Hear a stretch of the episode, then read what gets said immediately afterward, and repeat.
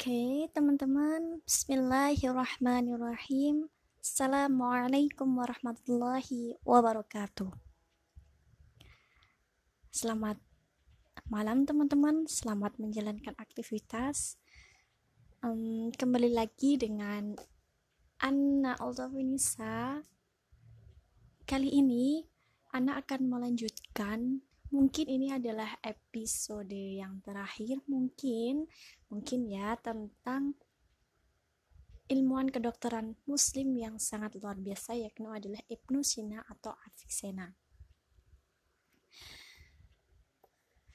Ini adalah kelanjutan dari pembahasan-pembahasan yang sebelum-sebelumnya kaitannya tentang Ibnu Sina Bapak Ilmu Kedokteran.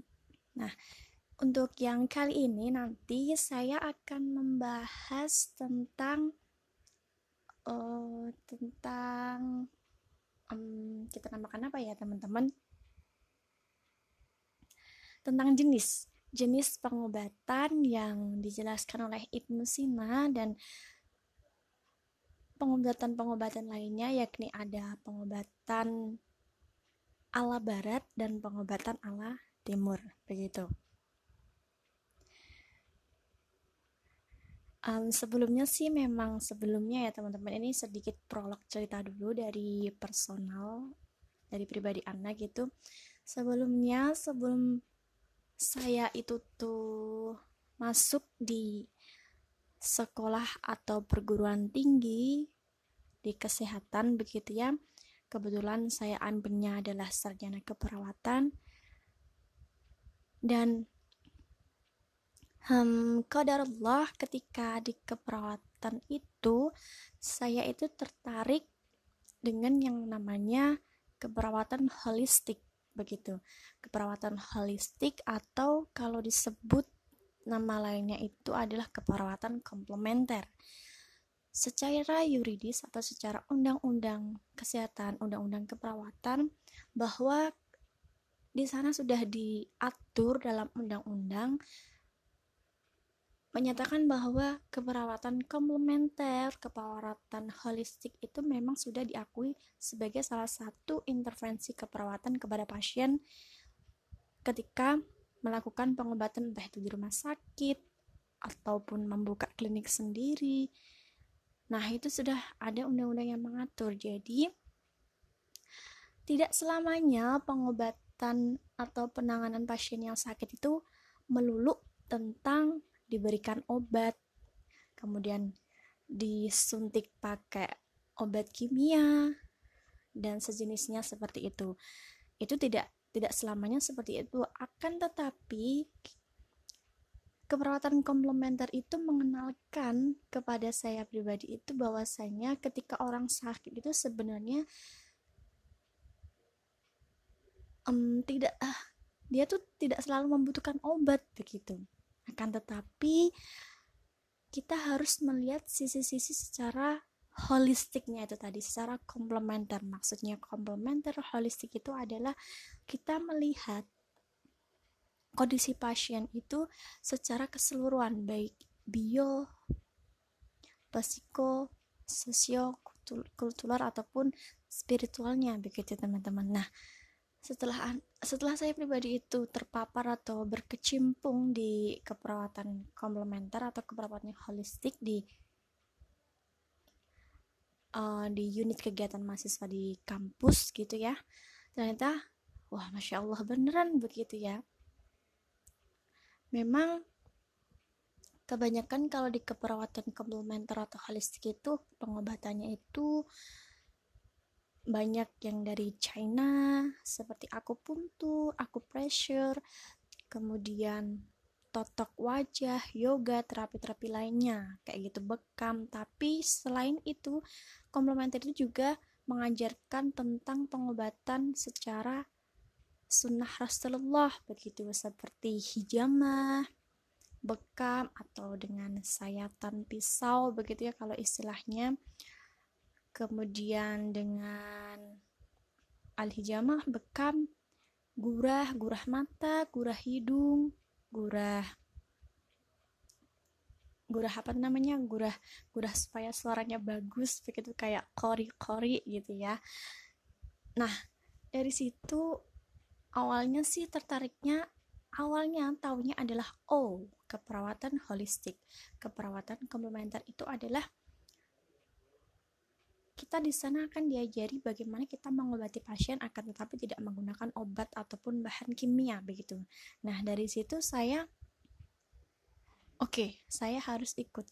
Karena apa? Karena dalam perkuliahan kita mendapatkan ilmu itu tentang tentang medis begitu ya, tentang penanganan ke pasien dengan cara medis dengan diberikan obat, kemudian dilakukan pemasangan-pemasangan bla bla bla bla itulah yang sangatlah banyak begitu ya. Nah di komplementer itu dalam perkuliahan itu belum ada begitu ya. Tapi alhamdulillah sekarang sudah sedikit sedikit dimasukkan di kurikulum begitu alhamdulillah. Nah nah ini nanti bukan jadi prolog tapi ini jadi cerita teman-teman. Kenapa panjang sekali anak ini bicara masya Allah. Oke akan dipersingkat. Nah begitu tadi jadi jadi gimana ya langsung intinya. Jadi kesehatan ataupun ilmu kedokteran ilmu kesehatan itu memang cakupannya sangatlah luas sangatlah masya Allah. Tidak hanya kesehatan itu tentang biologi tentang fisika tentang kimia akan tetapi tentang sosial tentang hukum pun ada tentang psikologi pun ada. Semuanya itu ter, uh, semuanya itu memang dibutuhkan dalam bidang kesehatan gitu. Nah um, oke okay, langsung ke ke pembahasan tentang Ibnu Sina atau Bapak ilmu kedokteran begitu ya kelanjutannya yang sebelumnya. Jadi teman-teman secara umum itu ada dua metode pengobatan yang seperti saya sebutkan tadi. Di prolog ya bahwa pengobatan itu ada pengobatan uh, metode formal atau pengobatan ala barat dan metode non formal berupa pengobatan ala timur begitu. Kedua pengobatan ini ke pengobatan ala timur ala barat begitu itu memang memiliki prinsip yang berbeda-beda begitu. Justru malah memiliki prinsip yang sangat berbeda begitu. Untuk pengobatan yang ala barat atau metode barat itu dilakukan melalui jalur klinik, puskesmas, ataupun rumah sakit. Nah, pengobatan ala barat ini itu melakukannya atau dilakukannya pengobatannya ini tuh kepada fisik dengan cara apa? Dengan cara tadi seperti yang saya sebutkan sebelumnya dengan cara memberikan obat-obat kimia sintetis sintetis ataupun dengan cara pembedahan. Sesar ataupun tracheostomi ataupun pembedahan-pembedahan lainnya begitu ya banyak sekali. Kemudian sedangkan metode pengobatan non formal atau metode pengobatan ala timur itu ya tadi itu. Kayak pengobatan Cina terus kemudian uh, pengobatan Allah Rasulullah gitu sunnah Nabi gitu ya. Nah pengobatan non formal ini itu dilakukan um, dengan prinsip dasar untuk memulihkan keseimbangan sistem kerja dari semua organ yang ada di dalam tubuh begitu. Nah sinkron kan uh, dari perkataan saya yang sebelumnya bahwasanya pengobatan normal atau alat timur ini merupakan yaitu tadi pengobatan secara holistik atau pengobatan secara komplementer. Jadi, prinsip belajarnya adalah untuk untuk memulihkan keseimbangan sistem kerja dari semua organ tubuh manusia begitu. Akan tetapi kedua pengobatan ini memang memiliki memiliki ataupun memberikan implikasi-implikasi yang sangat berbeda begitu. Karena apa? Karena keduanya memang dibangun dari asumsi yang berbeda pula ala barat dan ala timur begitu. Akan tetapi ya harus teman-teman jadikan perhatian mungkin ya entah entah zaman dahulu ataupun hingga sekarang ini masyarakat itu masih cenderung memadukan keduanya. Maksudnya, memanfaatkan kelebihan ilmu kedokteran barat dengan metode simptomatik yang terasa lebih cepat. Maksudnya, kadang itu ketika orang sakit begitu ya, sakit kepala, kemudian sakit mah, itu nanti langsung terprogram di mindsetnya itu oh aku sakit mah berarti kalau di rumah aku sakit mah oke aku akan ke apotek beli promah gitu aku sakit pusing kepalaku begitu. Aku akan ke apotek atau ke warung terdekat ataupun ke dokter kemudian nanti akan diberi kalau ke warung belinya ultrafu kalau ke dokter mungkin akan diberi resep-resep obat yang lainnya begitu. Jadi banyak masyarakat itu dia memilih pengobatan yang bagaimana caranya supaya sakit yang dirasakan itu cepat hilang begitu. Nah itu itu biasanya nanti solusinya lebih ke obat-obatan kimia atau uh, sintetis itu tadi. Karena mungkin uh, dirasa reaksinya akan cepat. Beda halnya jikalau um, menggunakan pengobatan ala timur. Kalau pengobatan ala timur itu dia itu cenderung proses untuk sembuhnya itu memang butuh butuh waktu. Begitu tidak tidak secepat jikalau mengonsumsi obat-obat ataupun bahan kimia atau pengobatan ala barat itu tadi karena secara simptomatik pun akan lebih cepat jika diberikan pengobatan ala barat begitu ya atau diberikan um, obat-obatan kimia gitu. Jadi kan reaksinya lebih cepat pengobatan medis begitu. Tapi perlu diketahui juga bahwa di sisi lain juga memanfaatkan pengobatan ala timur gitu. Untuk apa sih? Untuk mencoba mengembalikan sistem keseimbangan tubuh itu tadi ya. Seperti halnya kalau pengobatan ala timur tuh kayak ada tusuk jarum, aku puntur, kemudian pijat, aku pressure gitu ya, sedikit menyinggung uh, akupuntur dan pressure itu sebenarnya juga sama-sama hampir sama sih bedanya hanya menggunakan jarum dan tidak menggunakan jarum.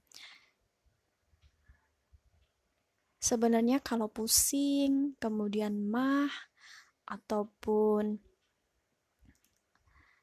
sakit apa ya sakit uh,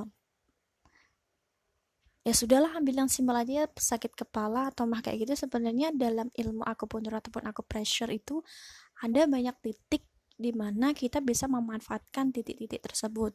Nah, titik-titik tersebut itu yang menemukan adalah dari ya orang Cina itu tadi karena itu kan termasuk pengobatan Cina begitu ya. Sama aku puntur dan aku pressure itu dia titiknya sama, cuman kalau tusuk jarum atau aku puntur itu dia menggunakan jarum akan tetapi kalau yang aku pressure itu tuh menggunakan tangan hanya menggunakan tangan menggunakan jempol ataupun menggunakan uh, jari jemari lainnya. Biasanya jempol sih buat kayak tukang pijat gitu loh teman-teman. Tapi tukang pijat modern gitu. Kalau dosen dosen saya bilang tuh seperti itu ya. Jangan mau dibilang tukang pijat gitu. Bilang ya kalian kalian itu bisa. Itu bisa. Bisa pengobatan pengobatan ala timur. Yakni apa? Yaitu aku pressure gitu. Pijat-pijat modern gitu deh kemudian pengobatan prana ada juga um, meditasi yoga olahraga dan puasa. Jadi kalau yang alat timur itu memang simptomatik untuk kesembuhannya itu butuh waktu yang tidak secara singkat. Memang perlu proses begitu ya. Akan tetapi ya itu tadi sih. Kadang masyarakat itu dia lebih cenderung ke bagaimana caranya supaya cepat sembuh gitu.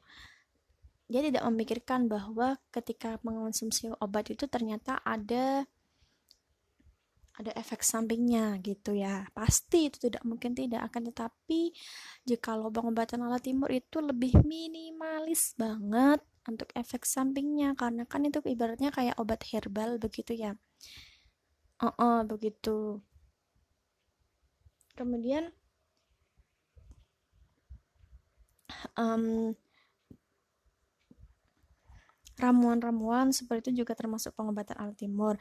Nah, teman-teman,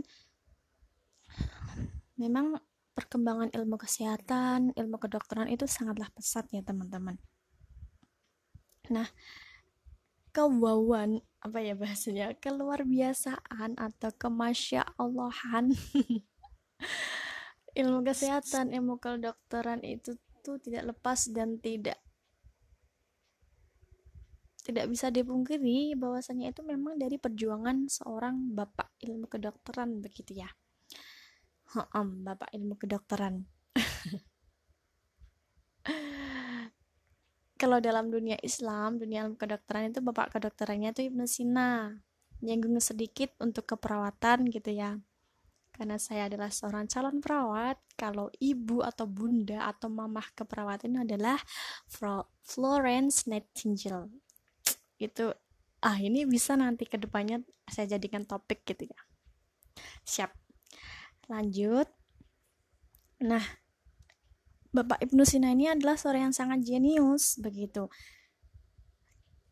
Uh, saya per, saya sudah pernah baca di buku yang buku saya, bukan buku saya, saya beli buku begitu ya.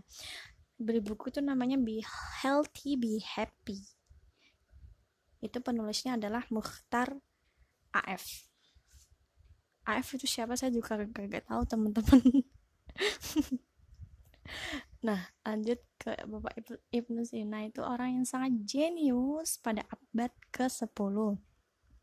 Saya sebutkan kembali nama lengkapnya supaya terekam di uh, di hati, pikiran dan jiwa teman-teman bahwa ada orang keren nih, orang keren ilmuwan Islam ini yang masya Allah luar biasa sekali adalah Ibnu Sina, bapak ilmu kedokteran gitu ya. Nah, nama lengkapnya itu ingat-ingat ya teman-teman. Nama lengkapnya itu adalah Abu Al-Husain bin Abdullah bin Sina. Gitu. Sekali lagi, Abu Al-Husain bin Abdullah bin Sina. Tapi Eh, orang-orang itu lebih mengenalnya itu dengan sebutan Ibnu Sina atau orang barat itu mengenal beliau itu dengan nama Avicenna begitu. Sudah, sudah saya jelaskan sebelumnya ini hanya reminder saja gitu ya. Kemudian ini sirah oh, Ibnu Sina itu dilahirkan pada tahun um, tahun 370 Hijriah bersamaan dengan tahun 980 Masehi di Afsanah sebuah Afsanah ini adalah sebuah kota kecil dekat kota Bukhara. Nah kota Bukhara ini masuk wilayah pecahan dari Rusia yaitu Republik Uzbekistan itu tempat asal seorang ahli hadis ternama yaitu Imam Bukhari. Wow, memang masya Allah sekali ya. Terlahir orang-orang yang hebat, orang-orang yang luar biasa. Yang satunya adalah bapak ilmu kedokteran, yang satunya adalah ahli hadis gitu. Nah, beliau ini sudah menghafal seluruh isi Al-Quran dalam usia 10 tahun. Jadi belum itu ya, belum ada 17 tahun ya teman-teman. Aduh, masya Allah sekali begitu ya. Ini perlu kita kaji lagi bagaimana sih caranya supaya bisa mencetak generasi seperti beliau-beliau ini, seperti Ibnu Sina, seperti Bukhari gitu ya. Bagaimana sih caranya kalau kita tuh bisa menjadi seperti beliau atau kalau kita belum bisa menjadi seperti beliau, minimal kita udah bermindset oke nanti keturunan saya harus hafiz Quran keturunan saya harus menjadi seorang dokter yang hafiz Quran ataupun dan lain sebagainya begitu Amin ya robbal alamin. Oke, silanjut kemudian Om Ibnu Ibnu Sina ini memang begitu pandai dan begitu cerdas begitu ya kepandaiannya itu di bidang pengobatan. Nah, kepandaian dalam bidang pengobatan ini teman-teman itu sudah mulai dikenal orang-orang itu ketika ia mampu mengobati siapa? Ketika ia itu atau Ibnu Sina ini mampu mengobati Raja Bukhara itu tadi Nah, tadi kan Ibnu Sina kan lahir tuh di kota kecil Bukhara. Nah, dia tuh bisa terkenal itu ketika beliau itu bisa mengobati seorang raja di sana yaitu namanya adalah Raja Bukhara dari dinasti Samaniyah. Namanya siapa? Namanya adalah Nuh ibn Mansur. Begitu. Nah, beliau ini melakukannya pada usia yang masih sangat belia yakni 17 tahun. Masya Allah sekali ya teman-teman. Jadi pada usia 17 tahun begitu Ibnu Sina ini sudah bisa menyembuhkan atau mengobati seorang raja di kota kelahirannya. Yakni Raja Bukhara yaitu namanya adalah Nuh ibn Masor gitu. Padahal itu sebelum-sebelumnya itu semua tenaga medis, tenaga kesehatan itu diundang untuk apa? Untuk mengatasi penyakit dari si rajana itu, tetapi tidak ada satupun yang bisa mengatasi penyakit yang dialami raja di Bukhara itu. Ibnu bin Nasr itu ya teman-teman. Tapi ya qadar Allah, masya Allah, hanya Allah yang mampu menjadikannya mustahil itu memang benar-benar terjadi jika Allah menakdirkan seorang bayi bisa menyembuhkan seorang yang sakit, orang tua bisa hidup kembali ketika dia sudah uh, ketika dia sudah wafat begitu, hanya Allah yang mampu merancang semuanya dengan baik gitu ya teman-teman.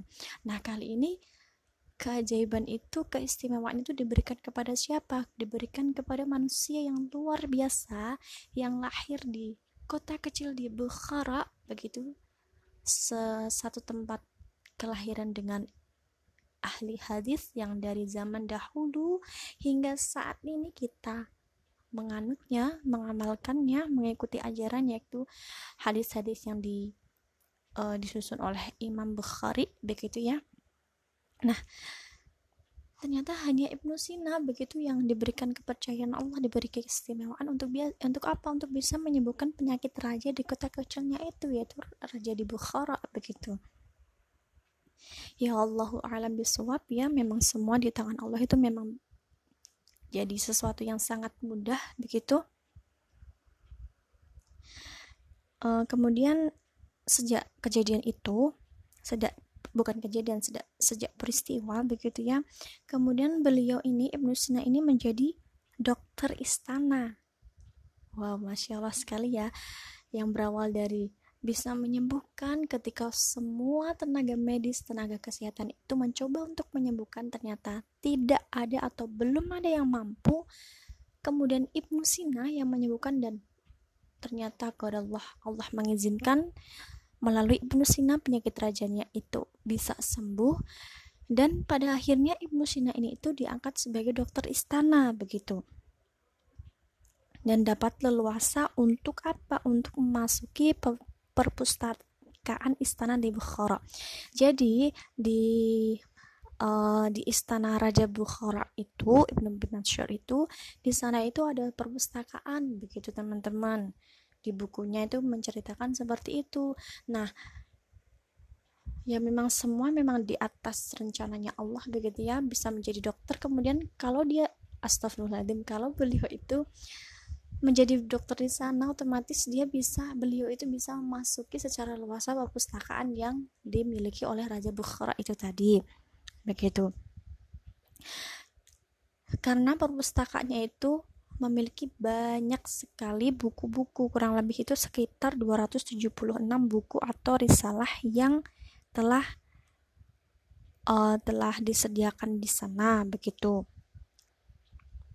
Nah, di sana di istananya itu, di perpustakaan istananya itu, selama Ibnu Sina itu menjadi dokter di istana di sana, beliau itu um, beliau itu menulis sebuah buku atau risalah yang disimpan atau diletakkan di perpustakaan tersebut begitu. Kemudian dari sekian buku yang ditulis atau dirisalahkan oleh Ibnu Sina yang kemudian disimpan atau diletakkan di perpustakaan raja tersebut, Raja Bukhara, ada apa tuh namanya teman-teman? Ada dua buku begitu, ada dua buku yang dianggap beliau itu sangat penting gitu. Dan dan selain itu juga dianggap oleh para ahli ada dua buku dari karangan Ibnu Sina atau risalah dari Ibnu Sina itu yang dianggap sangat penting oleh siapa? Oleh para ahli begitu. Wow masya Allah sekali begitu ya teman-teman.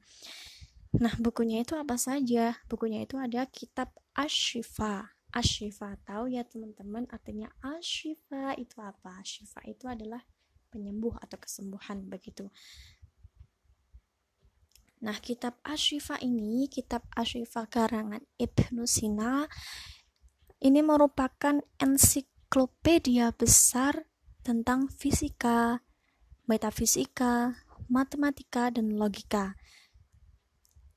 Begitu, begitu hebat sekali ya teman-teman Ibnu Sina ini. Aduh, betapa beruntungnya orang tua atau saudara yang memiliki anak secerdas beliau begitu tidak sembarangan dan pastinya memang dari keluarga yang terjaga, keluarga yang mansur begitu ya. Aduh, saya terbawa suasana lagi ini. Mungkin teman-teman dan mungkin saya pribadi juga mengharapkan memiliki keluarga atau bisa membangun keluarga yang bisa me mencetak atau melahirkan seorang ulama-ulama, seorang yang berpendidikan, seorang yang bukan hanya ahli dalam bidang ilmiah akan tetapi juga ahli dalam hal ketakwaan, keimanan. Jadi kecerdasannya itu adalah dibalut dengan keimanan dan ketakwaan begitu. Amin ya rabbal alamin. Nah, kemudian teman-teman selain selain kitab Ashifa itu Ibnu Sina, bapak ilmu kedokteran ini tuh juga apa namanya juga menulis buku begitu tentang apa? Tentang norma-norma kedokteran atau dalam bahasa bahasa Arab itu ah, maksudnya bahasa asing itu kan kalau di Indonesia kan adalah norma-norma kedokteran begitu. Tapi nama lainnya adalah al-qanun atib. Artinya apa al-qanun atib itu tadi? adalah merupakan sumbang terbesar yang diberikan Ibnu Sina untuk dunia kedokteran gitu. Masya Allah sekali ya. Jadi ada dua ya kitab yang dianggap sangat penting dari para ahli dari beratus-ratus kitab atau buku yang sudah ditulis oleh Ibnu Sina ada dua yaitu pertama adalah kitab Ashifa yang kedua adalah kitab norma-norma kedokteran atau buku Al-Qanun fi Atib begitu.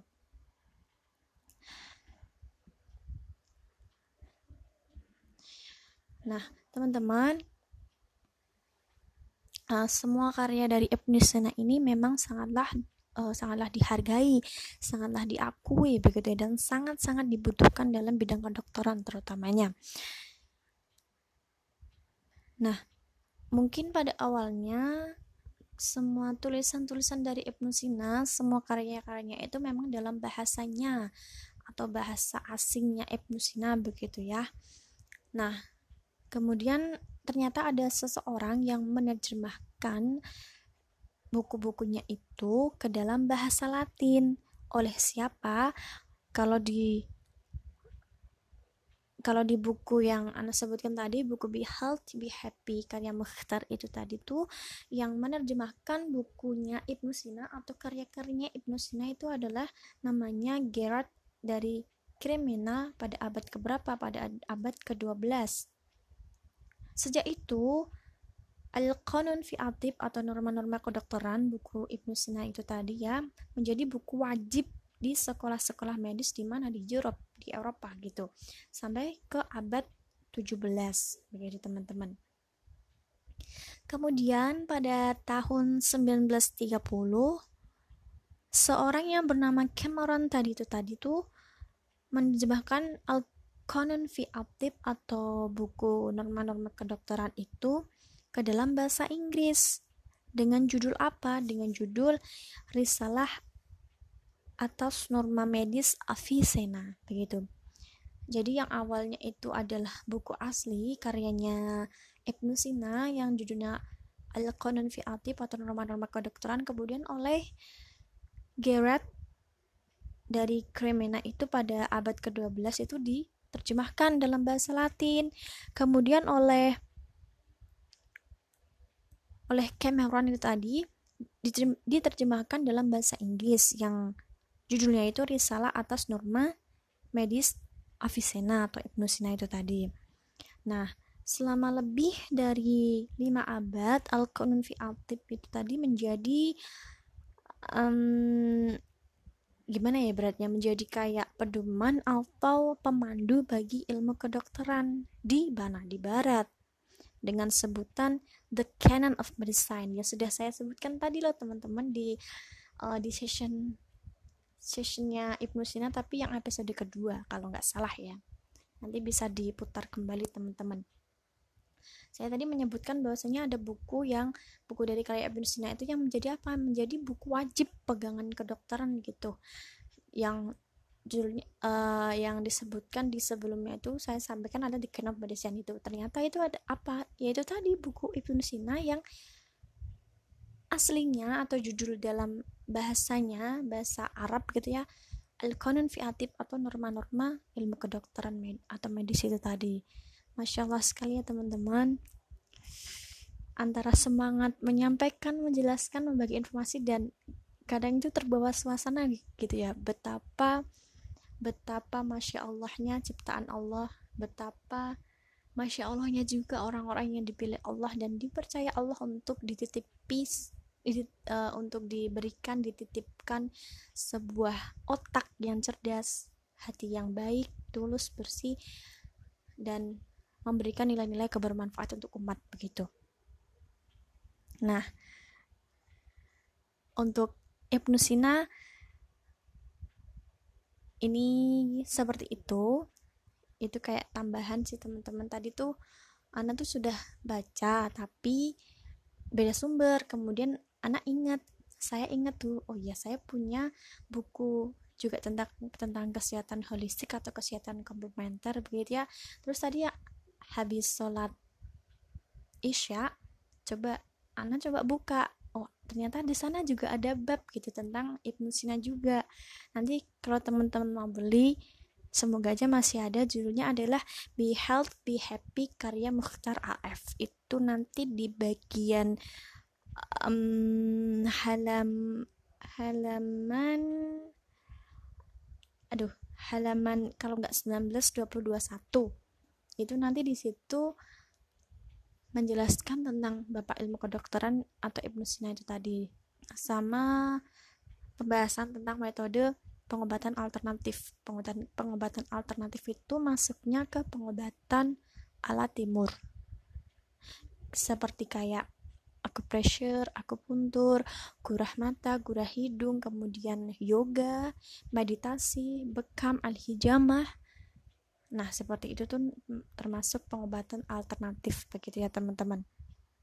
Teman-teman kalau punya rezeki, boleh beli bukunya. Bagus sekali. Begitu. Menjelaskan khasiat madu, khasiat kurma, khasiat pokoknya semua yang tentang herbal, tentang tentang uh, tibun nabawi begitu ya kalau kalau bahasa Arabnya gitu ya. Mungkin ini sudah sudah terlalu panjang begitu ya penjelasan tentang Ibnu Sinanya. Nah, hanya itu yang bisa saya tambahkan kaitannya tentang Bapak ilmu kedokteran atau ilmuwan yang sangat luar biasa yang ternyata juga sudah menemukan metode karantina dan karya-karya beliau yang Masya Allah meskipun sudah tiada akan tetapi tulisannya, ilmunya, semua yang beliau hasilkan dari jeripayahnya, dari perjuangannya ternyata masih dipergunakan dan masih menjadi pedoman sampai saat ini begitu ya. Masya Allah, tabarakallah begitu teman-teman. Sekian topik kali ini tentang Ibnu Sina akan dilanjutkan di session-session episode-episode selanjutnya dengan topik mungkin tempo-tempo hari ini tuh akan sama topiknya adalah tentang kesehatan begitu ya Semoga teman-teman tidak bosan. Semoga bisa menginspirasi dan bermanfaat. Ambil baiknya jika ada yang buruk, mohon untuk dilupakan saja atau boleh wapri gitu ya. Chat uh, kekurangannya dari podcastnya seorang Anna Altofunisa itu apa? Boleh, boleh sekali teman-teman. Terima kasih, selamat menikmati, selamat istirahat. Dan see you next time di topik-topik selanjutnya bersama Anna Altafunisa. Akhirul kalam. Wassalamualaikum warahmatullahi wabarakatuh.